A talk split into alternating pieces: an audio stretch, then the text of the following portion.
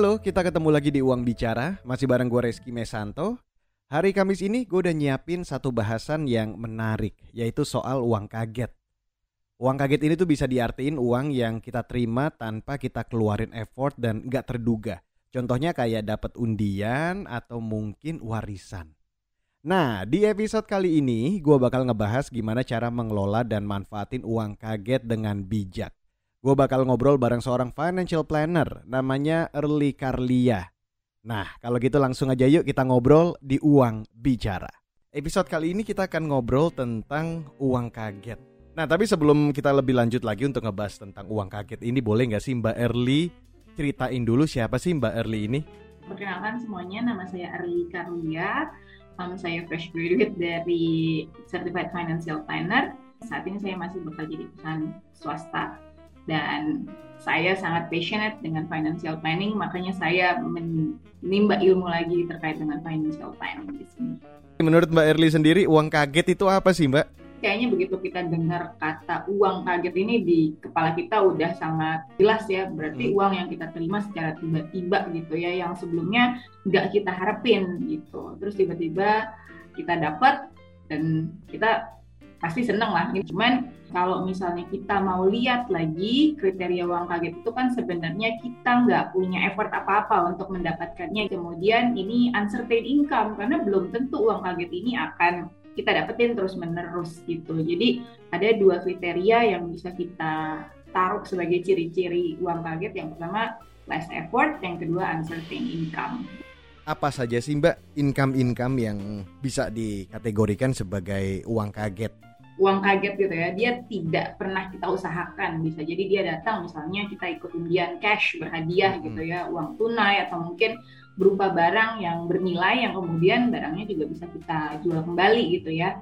Biasanya kan banyak nih undian berhadiah uang tunai terus mobil atau mungkin gadget gitu kan. Nah mungkin ketika kita terima uang tunai kita happy ya bisa langsung dapat nih uangnya masuk ke rekening kita gitu. Tapi kan ketika berupa barang itu kan kita harus pikir lagi kita perlu nggak sih nih barang ini? Gitu. Karena biasanya ketika kita terima barang ataupun uang tuh ada pajak-pajak yang menyertainya gitu ya. Which fine gitu pajak undian kan sekitar 20% yang pasti undian kalau di luar negeri mungkin ada lotre ya mas ya. Cuman kan di sini nggak ada ya. Misalkan kita dapat lotre berapa juta dolar gitu misalkan berapa ratus ribu dolar gitu kan. Nah itu termasuk lotre. Kemudian mungkin kalau dari tempatnya bekerja ada bonus nggak terduga misalkan performance perusahaan bagus, tapi ini bonus tidak terduganya itu di luar dari misalnya bonus tahunan perusahaan ya, misalkan yang kita tahu kita udah pasti dapat tiap tahun gitu. Cuman mungkin pada saat itu perusahaan mencapai targetnya jauh, terus kemudian kita dapat tambahan bonus atau mungkin appreciation dari bos kita gitu kan, itu juga bisa dimasukin ke dalam uang kaget ya. Terus yang terakhir bisa masuk berupa warisan di dalam uang kaget ini. Tadi kan sempat disebutkan bonus ya bonus hmm. di luar dari performance appraisal. Nah, air termasuk nggak mbak uang kaget? THR itu karena kita udah bisa predik ya dan mm -hmm. itu udah masuk ke dalam peraturan dari Kementerian Tenaga Kerja dan itu kan as a part of our effort kita bekerja mm -hmm. juga gitu ya. Mm -hmm. Jadi itu limbo sebenarnya bisa dibilang uang kaget tapi predicted gitu. Dan itu kan balik lagi ke kategorinya adalah less effort dan uncertain. Sedangkan THR ini almost certain every year. Jadi dia tidak bisa digolongkan ke dalam uang kaget. Karena kita udah tahu pasti nih wah udah mau lebaran gitu hari raya kita pasti udah akan dapet nih. Jadi kita udah punya di kepala kita tuh alokasi-alokasi apa aja sih yang dimasukin untuk menggunakan si uang THR tersebut gitu. Sedangkan kalau uang kaget begitu kita dapat, kita nggak tahu buat apa gitu. Justru itu kan yang membuat kita kaget gitu hmm. karena sebelumnya kita nggak pernah punya perencanaan terkait dengan penerimaan uang tersebut. Oke, berarti kalau arisan itu juga bisa dibilang bukan uang kaget ya karena kita sudah memprediksi ada waktu kita akan dapat seperti itu ya, Mbak. Betul, kalau arisan itu lebih kepada iuran bulanan yang Mas ya. Mm -mm. Karena kan gini, kalau kita ikutan arisan nih, misalnya, katakanlah ada 10 orang, terus kita iuran sekian-sekian. Nah, setiap dua minggu sekali kocok arisan gitu ya. Mm. Nah, kalau kita dapatnya di awal, ke belakangnya itu kan akan terlihat seperti utang ya karena kan kita harus terus iuran gitu jadi kita udah menarik duluan nih tapi mungkin kalau di belakang bisa jadi gitu Nah, tergantung view kapan kita dapatnya sih dari uang arisan tersebut. Dan pada prakteknya sebenarnya arisan itu kan ketika kita tahu ada kebutuhan gitu, kita kan bisa kong kali kong ya sama siapa bandarnya ya kalau yeah, arisan. Yeah, yeah. Kita bilang sama gitu ya.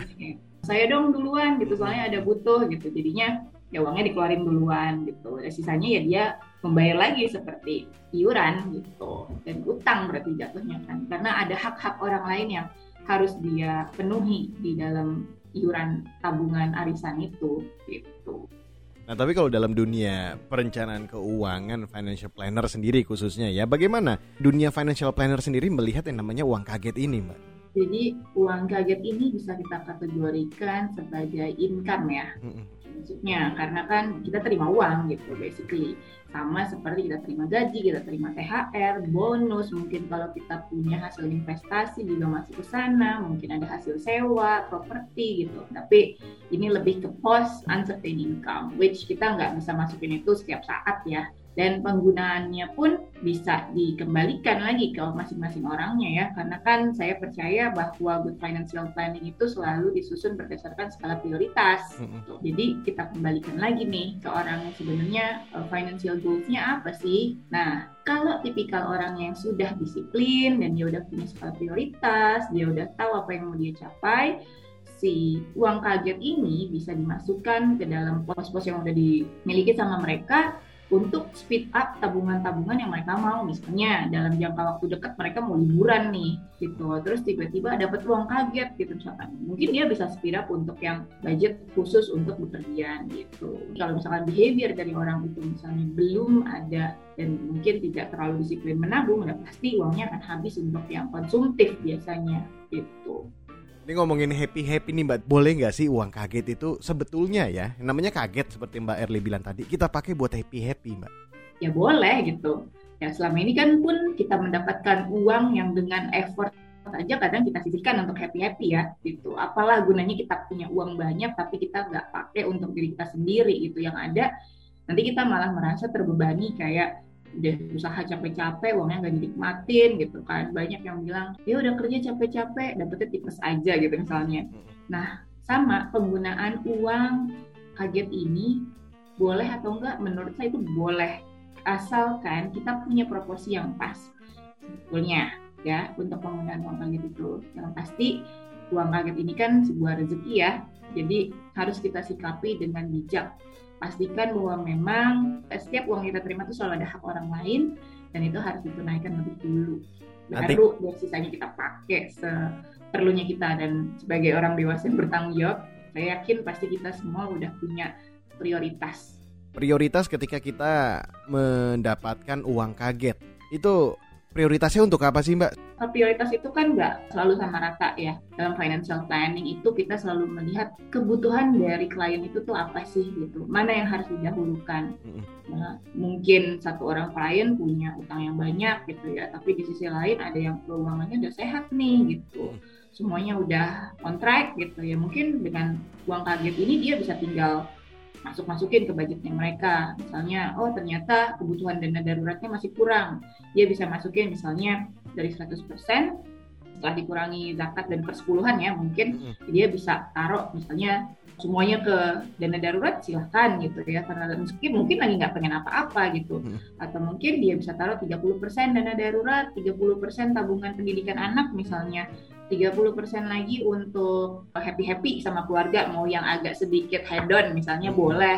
10 persennya investasi silahkan gitu. Karena untuk proporsi tersebut dikembalikan ke masing-masing orang gitu. Karena saya percaya bahwa setiap orang itu punya kebutuhan masing-masing dan setiap manusia itu unik gitu ya. Baik dari uh, background terus kemudian dari pola pikir terus kemudian dari cara memanage uang tuh pasti sangat unik gitu. Jadi silahkan dan sebaiknya sih kebutuhan dana darurat dan tabungan pendidikan itu disisihkan. Nah, terus dilihat lagi nih punya utang konsumtif nggak ya gitu. Kalau punya utang konsumtif, sebaiknya uang kaget ini juga dialokasikan untuk menutup atau mungkin membayar utang-utang yang ada. Nggak mesti utang konsumtif, misalnya kita punya utang sama orang gitu ya, atau mungkin utang bank kita bisa sisihkan lah, bisa di speed up kan lumayan ya kalau misalkan kita bisa taruh 2-3 bulan buat bayar KPR atau mungkin bayar KBM gitu kan.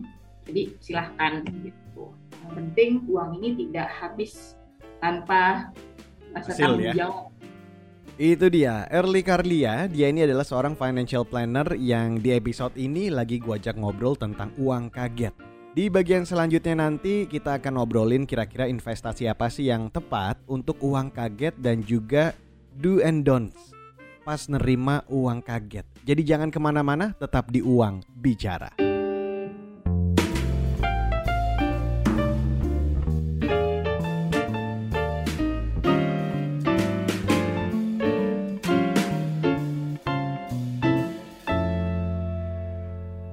Balik lagi di Uang Bicara bareng gue Reski Mesanto dan episode ini gue lagi ngobrol bareng Early Carlia, seorang financial planner. Kita lagi ngobrolin uang kaget. Kalau gitu kita lanjut lagi yuk. Oke, Mbak Early tadi sempat ngomongin masalah investasi. Nah, kira-kira kalau kita ngomongin tentang investasi yang untuk uang kaget, ini yang paling tepat menurut Mbak Early ini apa? Kalau misalkan tadi kita runut ya ke belakang, pertama kan kalau misalkan kita udah punya prioritas itu akan lebih mudah tuh menentukan investasinya ke mana nih. Pos-posnya mau ditaruh ke mana, besarannya berapa persen mau dimasukin ke mana itu akan lebih mudah. Karena kalau kita bicara tentang investasi itu dalam ilmu financial planning pasti selalu bicara tentang time horizon, jam, jarak waktunya kapan gitu ya ya kalau misalkan dalam waktu dekat misalnya kayak kita punya dana darurat kita ngisi dana darurat itu udah bisa kita taruh di cash pasti karena suatu waktu kita butuh. Kita tarik kan di situ terus kemudian untuk mungkin lindung nilainya sebagian bisa kita taruh di emas dalam pecahan kecil dan sebagian bisa kita taruh di reksadana pasar uang gitu ya.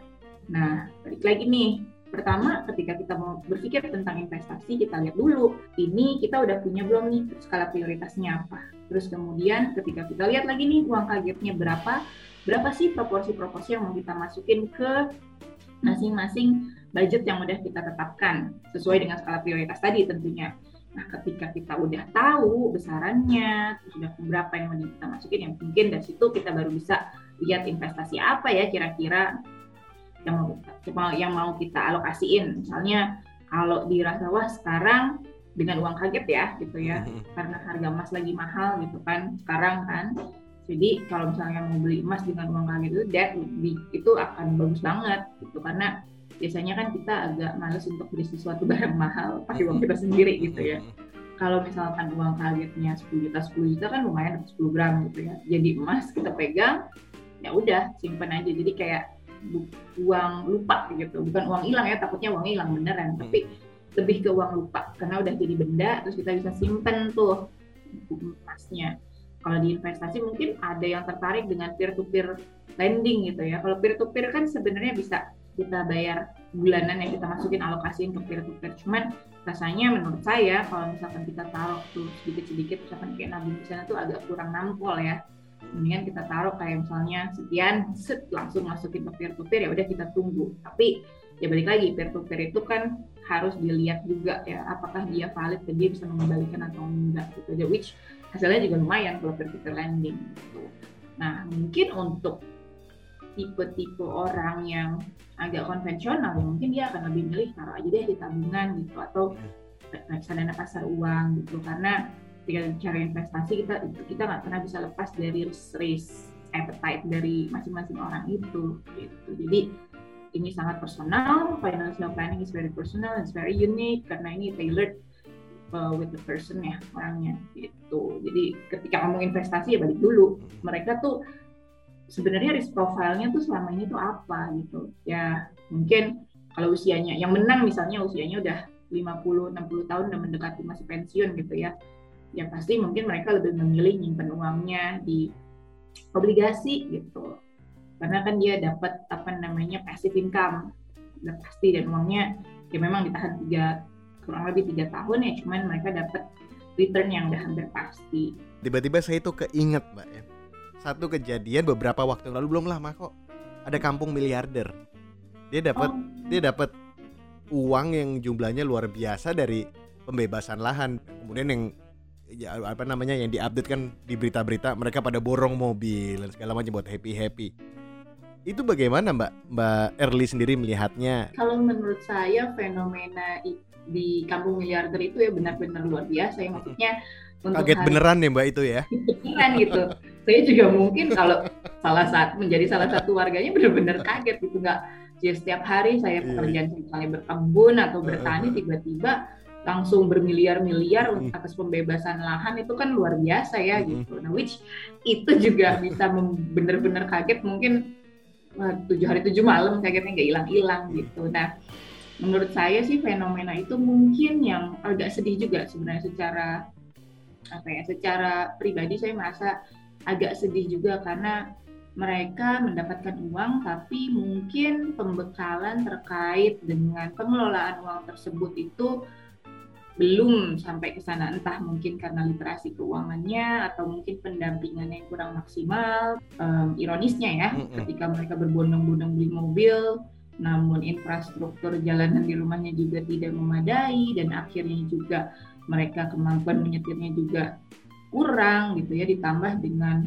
um, financial literasi yang mungkin juga belum merata ya di Indonesia ini ya jadi saya merasa agak sedih lebih sedih sih sebenarnya karena mereka satu kehilangan mata pencaharian yang kedua uangnya habis juga dengan um, tanpa perencanaan yang baik gitu dan setelah itu kan sempat muncul berita mm -hmm. lagi ya bahwa yeah. mereka sekarang jadinya kebingungan karena udah nggak ada lahan terus lama kelamaan juga uang kan pasti habis ya karena uang itu sebuah resource yang membantu sebenarnya uang itu kalau kita lihat secara bijak adalah dia tools untuk membantu hidup kita lebih um, sejahtera, lebih nyaman lah gitu ya. Jadi misal andainya nih Mbak Erli tiba-tiba dapat uang kaget 4 miliar. Bagaimana seorang financial planner membagi-bagi atau mengaturnya? Jadi mungkin ada gambaran buat teman-teman. Silakan, Mbak. Oke, okay. if I were one of them ya, mudah-mudahan ada rezekinya benar. Amin.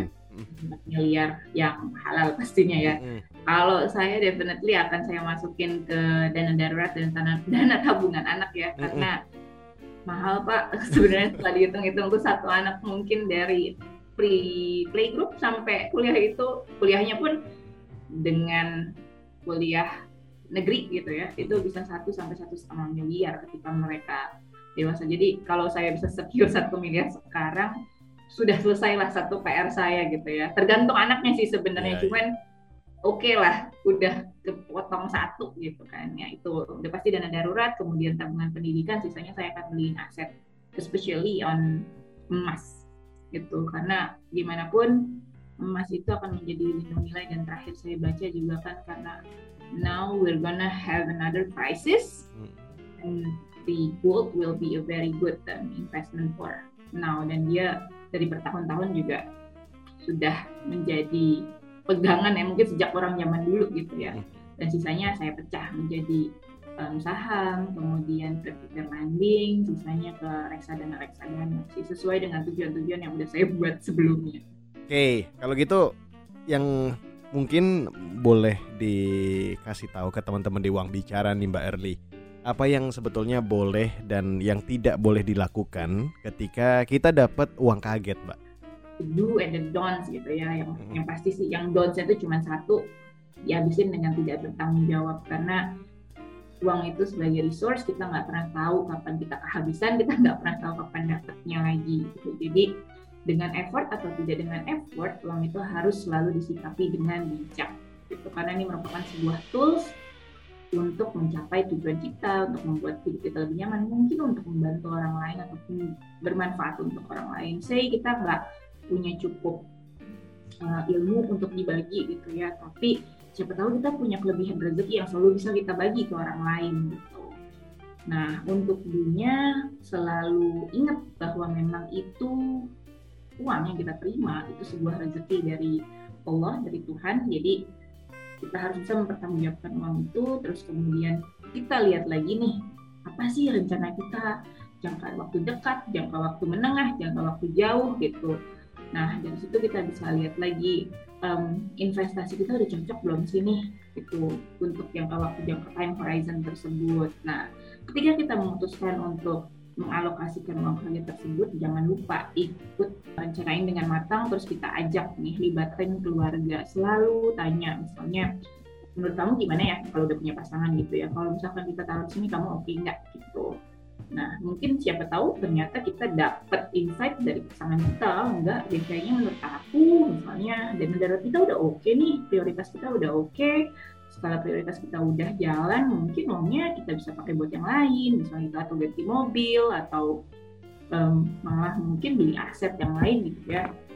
Nah yang kedua selalu disisihkan untuk dana darurat selalu untuk lunasi utang atau mencicil utang.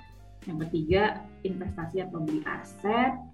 Nah kalau misalkan emang nggak tahu nih bener-bener tulus di hari itu di hari kita menerima uang kita mau ngapain ya udah mungkin ada baiknya kita taruh aja di rekening khusus. Siapa tahu suatu saat kita kan BM gitu ya hmm.